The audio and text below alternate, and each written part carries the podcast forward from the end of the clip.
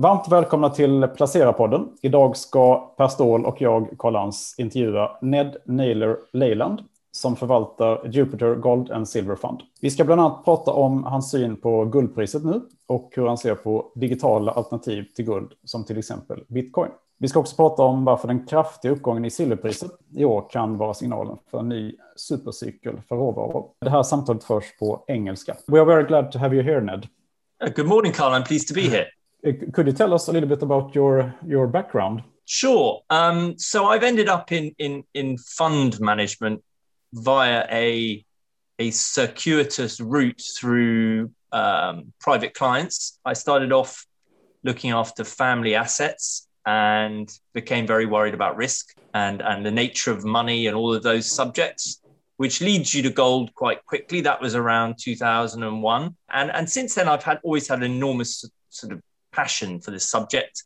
And in about, well, 2015, it was, I convinced uh, what was Old Mutual Global Investors to set this fund up and that's how we've come up with it. But I, I, think it's relevant to mention the private client background because that explains why it is that our fund is structured in a different way than than the peer group products. We're not just a, a gold mining fund. What we're trying to do is is deliver a uh, tailored solution for these markets rather than following a benchmark. So, in what way is this fund different compared to other gold funds? Then, if you go into details here. Well, in, in many ways, really, we, as I say, we're not worried about what, what a gold mining benchmark looks like or is doing, which immediately makes the fund different because, of course, most funds operate that way, which is they they work immediately from a benchmark and they take views either side of it. But we, we're not interested in that. What we think is that this point in the in the monetary cycle, you need physical gold, you need silver, and you want some mining shares to deliver attribution in the portfolio. But equally, there are problems with each of these subsets. And one of the one of the great problems, I believe, for investors and um, professional investors too, is understanding why you might want physical metal and why you might want miners and when.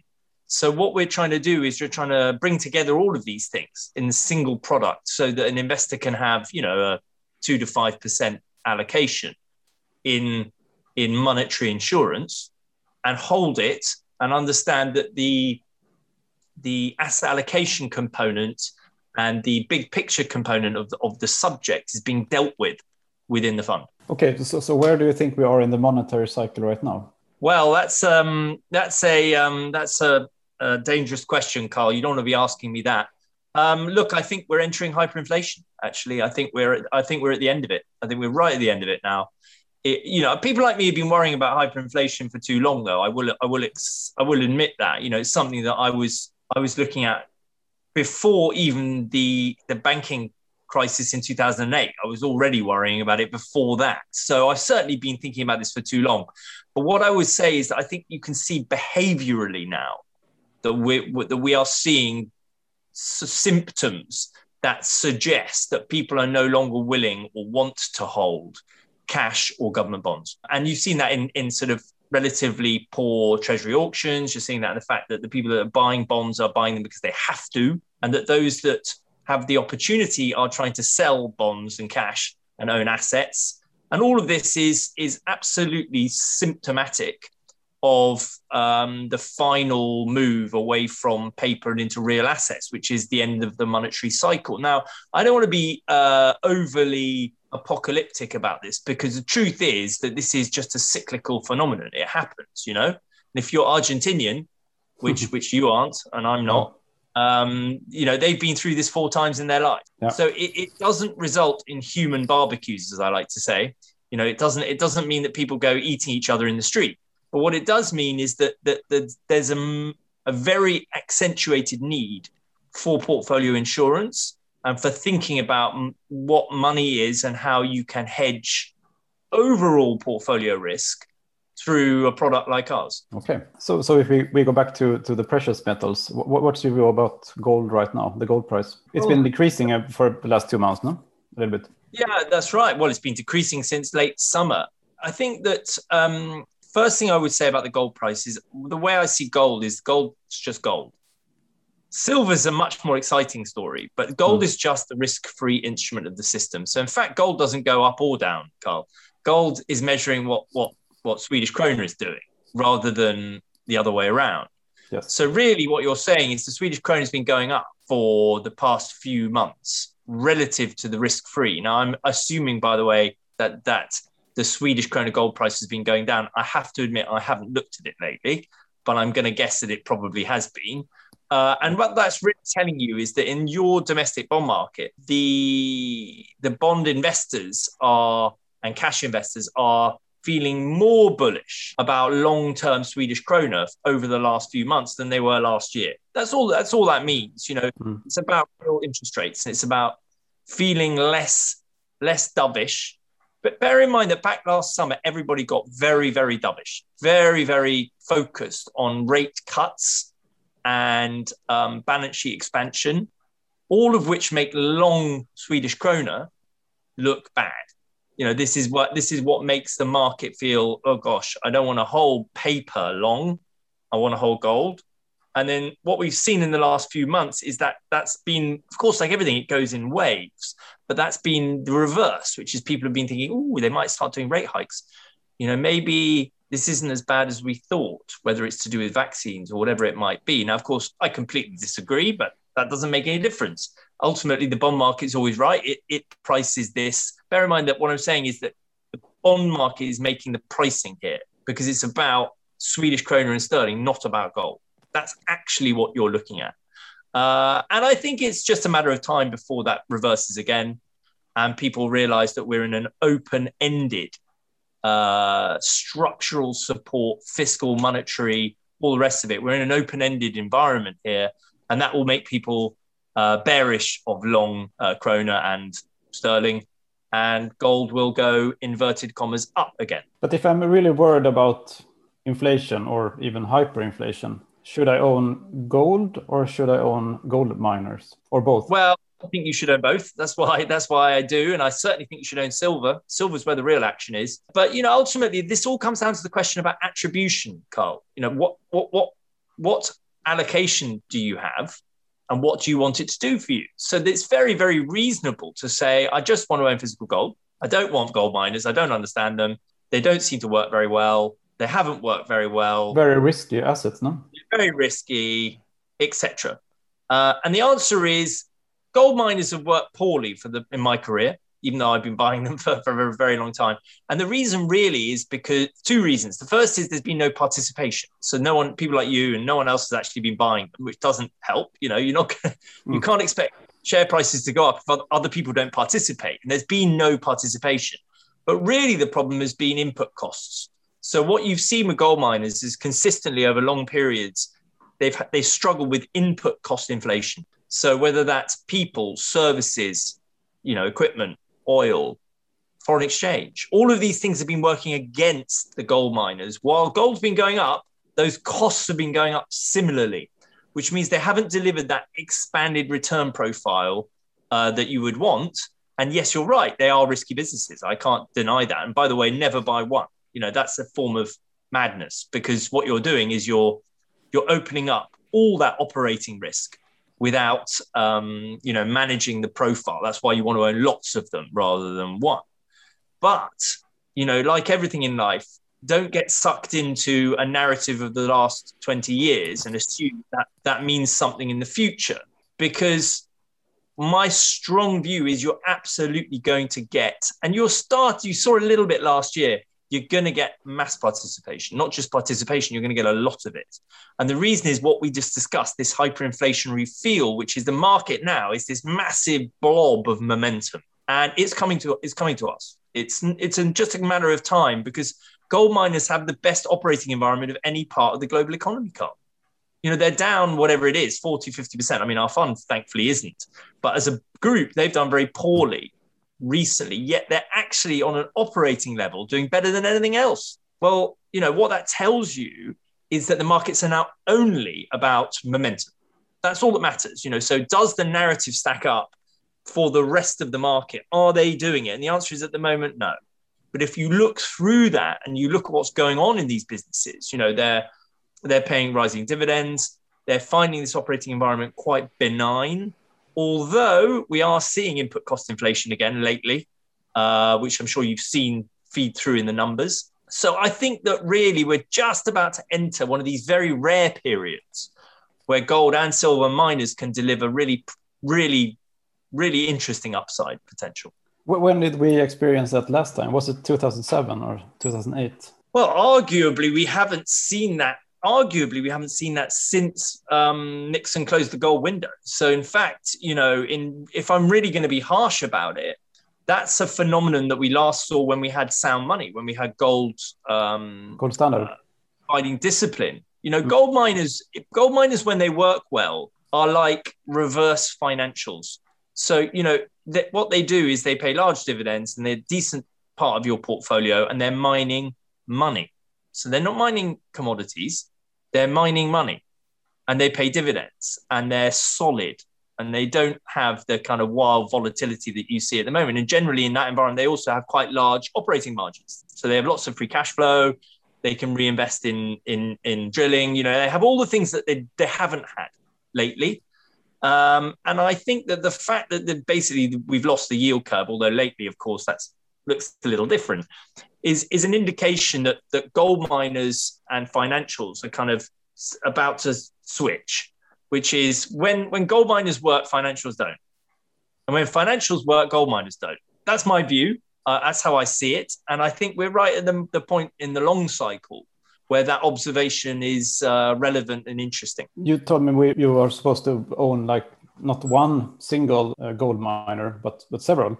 What, what are your favorite gold uh, miner stocks right now? Well, um, so I wouldn't I wouldn't give you one um, or two or three, but what I would say is that it's about um, a subset. So it's more about what what what what should you be looking at at the moment? In my view, the following things make a gold miner interesting at the moment. First of all, by the way, we're buying. We've added several new ones in the last week because they're so cheap uh, compared to where they were. They've really come off hard, particularly sort of um, mid cap Australian producers down 40 to 50 percent, which is is madness. You know, they're they're they're, they're operating very well the environment is good. You know, there's a combination of reasons. Aussie dollar, general malaise. I mean, sentiment indicators in gold miners are as low as they were in March last year, which is just incredible. When I, when I, during the crash, yeah, mm. it's just madness. You know, it makes no mm. sense. So, so we're looking at those kind of mid cap growth oriented gold miners. So not your Barrick and your Newmonts. You know, we we we they've got structural problems with their reserves. So if I can buy something that's down a similar amount as a Barrick or a Newmont, but it has a better growth profile and it has assets that it can bring into development and it doesn't have to make acquisitions, that's the kind of thing that we like at the moment. That's what we're adding. And you also buy companies that are operating in like politically stable areas, I guess. Because I don't yes. see any African and um, Russian assets in your portfolio. That's correct. We invest in the Americas and Australia. So the operations are in are in Alaska to, to Chile and Australia, uh, with a bias towards Australia and a bias towards Canada and Mexico as well, probably. Now, while the political component is, is part of it, that's not really the reason, actually. The reason we invest in those places is because they are developed mining countries. So they have less, they carry less operating variables, Carl. So if you think about it like this, as we agreed, and I do agree, gold miners and silver miners are risky risky uh, companies. You know, they, mm. they have very complicated operating variables and they can disappoint. So, what we're looking for is hundreds of years of, of trained um, labor, infrastructure, well understood mining um, regulations and law, good uh, locations for quality management teams to live. So, for example, if you are a very high quality Canadian um, mine engineer running, you know, executive, and you're looking for your, your last job, which is actually what you, those are really good people. That's what you want. You want people who are very experienced, good track records, looking for a, for an interesting sort of final job in their career. Are you going to go and live in Ghana or the, or Siberia? Or are you going to go and live in Lima? You know, the answer is that, that this matters because people is very important in, in particularly in, in, in production when you're when you're running up we're actually producing mines rather than going for exploration and development which is is less relevant for that Uh, so what we're trying to do is we're trying to reduce the operating variables by saying let's stick in places that we understand. We think the operating variables are more manageable, uh, and that's why we focus on those those regions. Okay, so so you have less risk in that aspect, so to speak, because the risk of well, anyways, we, pretty high. We I'm not going to say we have less risk because who knows. Mm. However, what we're doing is we are making our job easier in managing the portfolio by removing variables. So we're not trying to pretend that we can cover 400 gold mines and then invest in 40. We're saying we want a universe of 100 and then we'll invest in 40. That, that's a much better, in our view, a much better way of managing risk. Uh, can we avoid it? No. Uh, are we trying to? Yes. I see. We talked a little bit about the gold price. What about the silver price at the moment? Well, look, I'm very excited about it. silver. is is really um, a wonderful story at the moment. It always was a very interesting subject because silver is the the sort of populist metal of choice. It, it has always been the money of the people, uh, the same way that gold is the money of the, you know, the, of kings. Really, uh, silver is the money of the, of, of the people.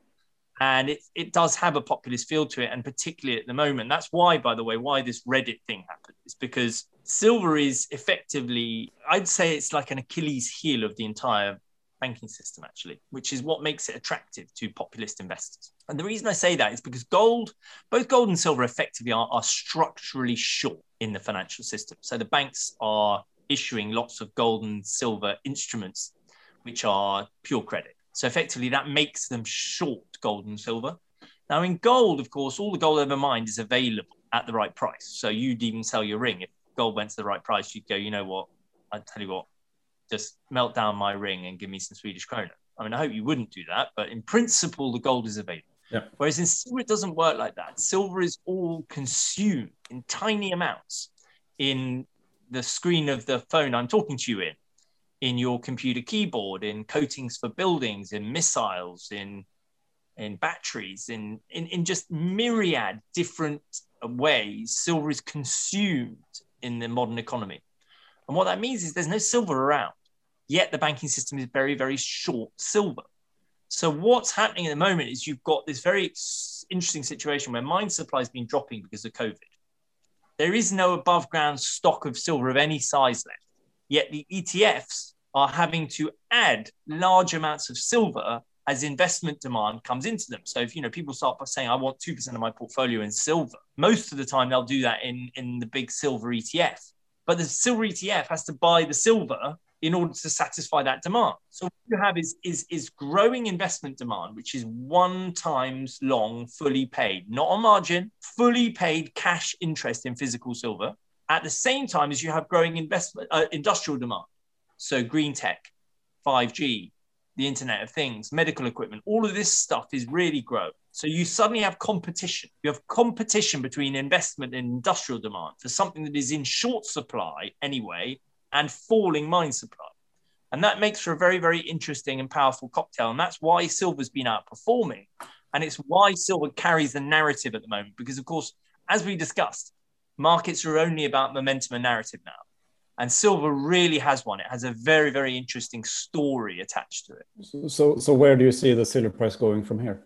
How, how high can it rise? Well, I'm not going to answer that uh, other than to say it can go very, very high because ultimately you can't print silver, Carl. You know, it's not something where you can be bailed out. If, if we get to a situation which I think is very possible quite soon, actually. I think above $30 an ounce, you could see this happen almost immediately, where investment demand jumps again. And People go, oh, wow, this is breaking out. I want, I definitely want to do this. And you see another 500 million ounces of demand through the ETF, which isn't very much in global capital terms. It's a tiny amount, but there's certainly nothing like that silver available then I think you get into a problem because what will happen, in my view, is industrial users will start to get nervous because they consume silver on a just in time basis, like you consume herbs from your nice Swedish grocer. You know, mm. twice a week you pop down the grocer and get, get your herbs to put on your food. And the food doesn't taste nearly as good without the herbs. Well, this unfortunately for industry, that's how they consume silver and they're relying on the banks to deliver it to them. So what I see happening then is a behavioral change where they will behave like we all did, or I didn't, but many did at the beginning of the, the pandemic, when they went out and bought massive bag of rice, like you might see, you know, an Indian farmer carrying. So rather than buying um, a kilogram of rice, people went and bought 100 kilograms of rice. They didn't necessarily need it, but they did that. And I think mm. you'll see industrial users get very nervous. If there's no silver, they can't build anything. So I think we, you know, we can go very, very high. And I mean, look at look at what happened in 1980. In 1980, we had a similar sort of macro environment as this, except this one's, in my view, much more powerful, but it's a similar sort of environment. And on, on an inflation adjusted basis, silver hit about $170 an ounce. Mm. And it's currently 26. And that was 1980. So I'll just leave that hanging as a comment. Rather than giving you a target, I'll, I'll, I'll leave it there and let you um, digest that. Adjust it for yourself, indeed. So, so how much silver do you have in your fund right now then? So we're we're we're we're nine percent physical silver and about 40% silver miners. So we're about 50-50. Our fund is we, I seek to have it about 50-50. That's the balance I like. Of course it will wobble either way, but at the moment it's about 50-50. Uh, how should you think as a private investor? Uh, what do you think? How, how, how big amount should you have in silver and gold? in your portfolio to have a good risk management? Well, it will depend on the on the individual, of course, because mm-hmm. whenever you think about a private investor, everyone is different. Uh, their risk profiles are different, and their net worth profile is different. So, if you if your portfolio is actually ten percent of your total net worth, then you can have a higher allocation. Whereas if your portfolio is really all your all your work, your wealth, then really I would say two to five percent. Academic studies suggest two to five percent in gold at all times is a very good portfolio diversifier. Now that isn't the question you're asking me because what we're talking yeah. about here is something else. We're talking about systemic risk, what's going on in the central banks, uh, and I will argue that a two to five percent allocation in gold is like insuring your dog's kennel. You know, it's not really insuring your house. It's it's fine, and it's and it mathematically it shows up on a backward looking basis, which I don't think is remotely interesting. By the way, I think it's it's provably invalid to con- to look that way at things. So what I say is this: I say, look, the the studies all say, or, or most of the studies say two to five percent, but central bank balance sheets are up fifteen times Mm. And that is not captured in this academic data because the academic data doesn't look at that. It just looks backwards. Doesn't it doesn't see what's happening with central bank balance sheets.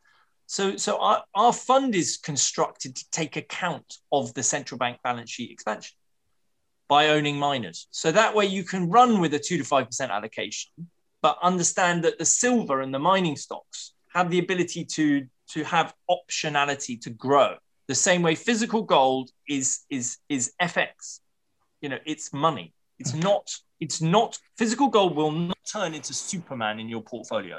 Pe- people think it will. People think that physical gold will go into a um a phone booth and come out, you know, and fly around and do all this stuff. But it's not going to do that. It's it's money. You know, it doesn't do that. Gold miners and silver and silver miners can, uh, as Carl rightly made the point, you know, haven't really seen any evidence of that. That's fair. But it's a lovely way to have this um, expression in a portfolio and not to carry timing risk. Because the thing about gold and silver miners is they can sit there and be ready for it to happen. And you can get very bored waiting because the problem is the subject is quite interesting. And you generally, when people get involved, they get very involved and then they'll sit there staring at their gold miners all day, every day, you know, and sometimes like me for 20 years waiting. Um, and they just sit there and they wait.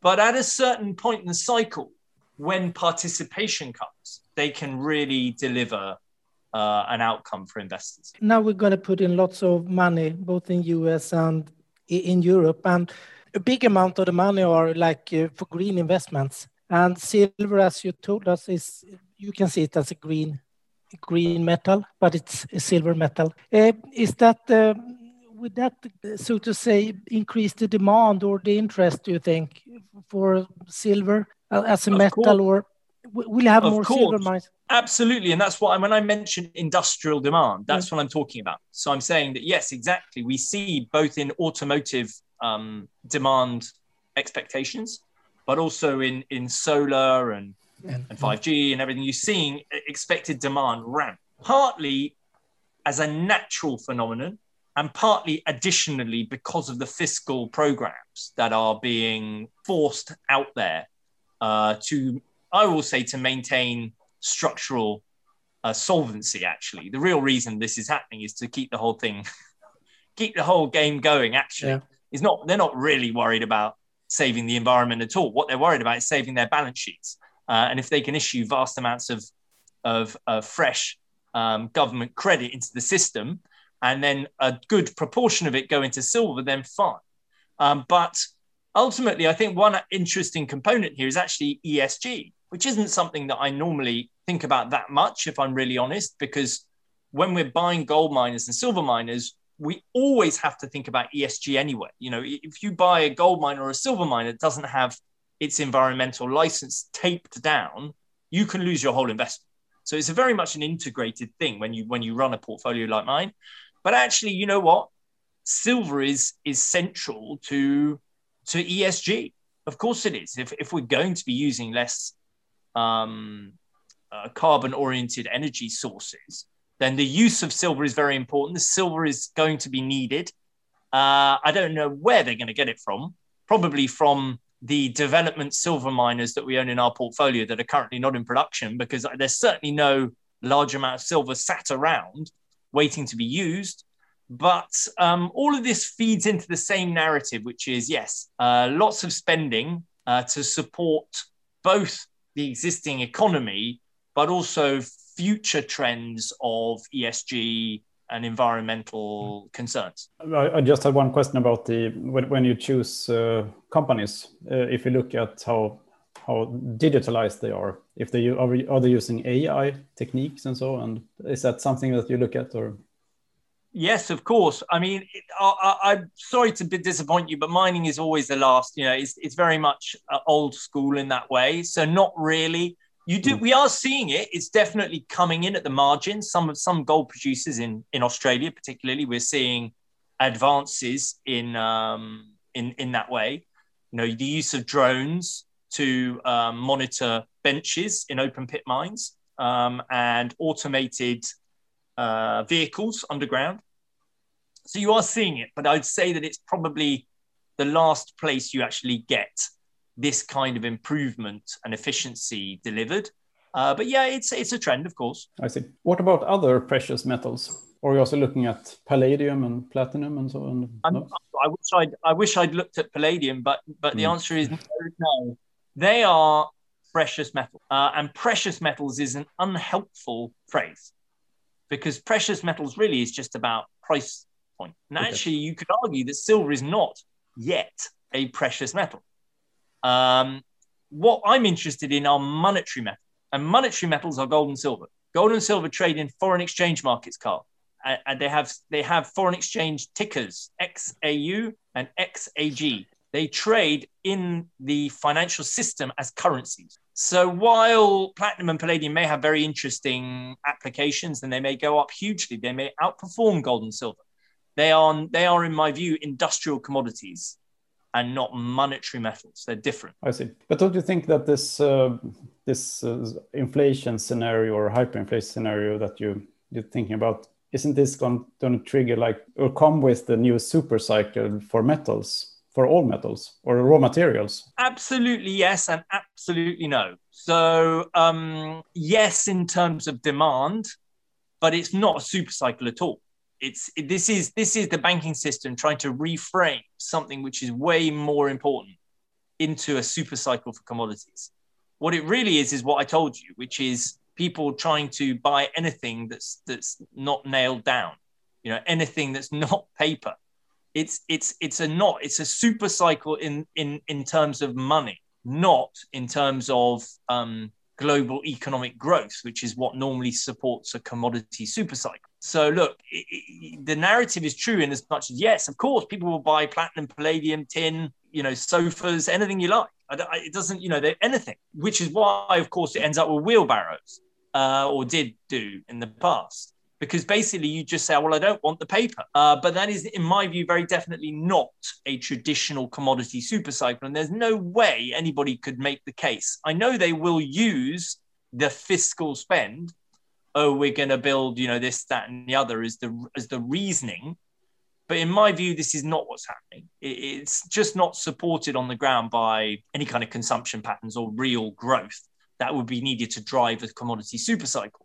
It's a monetary super cycle. Okay. What, what about cryptocurrencies like Bitcoin? So I think they've pretty much run their race now, actually. We owned the Bitcoin ETF uh, four years ago now. Maybe it was three and a half years ago now. So we were, I think, maybe the first long only fund in the world to own Bitcoin. I think that it's done now. I think it's done. I think it's now, um, in my view, being frank, I feel, and of course, as you'll know, I, I do do that.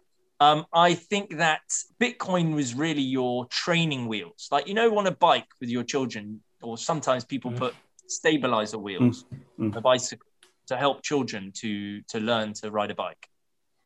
I think that Bitcoin is is really was an experiment to get people to understand the new monetary system that is coming, which is fully lit, fully digital, cashless, but driven through the central bank. So it was simply a, a, a, an experiment, a training tool to have you ready. Now, my view is it's currently trading purely like a pyramid scheme. Um, it, it, it's lost its, it has no utility, and it, and it might well go up another 50 times based on what we just discussed, by the way. You know, mm. I'd rather own that than than Swedish krona. You know, it, it could well do that, but it's not in any way competition to gold or silver. Silver has extreme utility and is money, and gold is the base collateral of the system, which Bitcoin certainly isn't. Now, if the central banks all said, we no longer want or need gold, we're selling it all and we're replacing it with Bitcoin, then I'm going to be very badly wrong. Um, and, you know, is there a possibility that's true? a very small possibility, yes. But ultimately, the, my reason to sound confident about this is, is actually really simple, which is this. We're heading towards central bank digital currencies. That is a fully, just to re- re- rephrase this, a fully lit. So you, everything you do will be monitored. Everything you do will be visible to the state. A fully lit digital currency system through the central banks. Anybody that thinks that there will be a parallel, anonymous, decentralized version is extremely naive. It simply doesn't work like that. Anybody that thinks that, I, I would argue people that just don't read books if they if they think that. You know, they don't understand history, power, central bankers, or anything. It, it, it's it's just not happening. Now, of course, meanwhile, the people that own it are doing very well, and and I'm and I just hope that they take profits on the way up. Would be my would be my my comment. Uh, like we did, you know, we owned it too. But uh, for me, it's it's just it's it it adds to the conversation because it helps people to think about what money is. You know, cryptocurrencies gets people thinking, what do we use as money and why? And all of that is important, and I, and I'm pleased about that. But I, I I wouldn't touch Bitcoin with a barge pole right now. I think it's I think it's it's lost its um it's lost its mind. I see. Are there something more cooking right now? Interesting in your your world? Well, look, I mean, I think I've probably given you most of my my talking points. I just, I just would, I just would make the the point that silver is is is where the action is. Hmm. Is very much a misunderstood subject, and it only works occasionally. And the last two times silver went straight up, it was driven on margin. Okay, it was a futures market driven move, and the regulators and the banks came together and massively raised margins very quickly. That stopped silver at fifty dollars an ounce twice in our in our lifetime, or in certainly in mine. I'm old enough. This time it's not like that. This is different, and that, that makes this time interesting. Well, I know you should never say that, but in this case, it's actually the mm. case, which is is different because it's demonstrably a different thing, which is it's the same idea, but the way the trade is happening is different. You know, it's not hedge funds buying silver futures. It's it's retail and wealth management clients putting 2% of their portfolio in physical. And that's a very, very different mm. situation.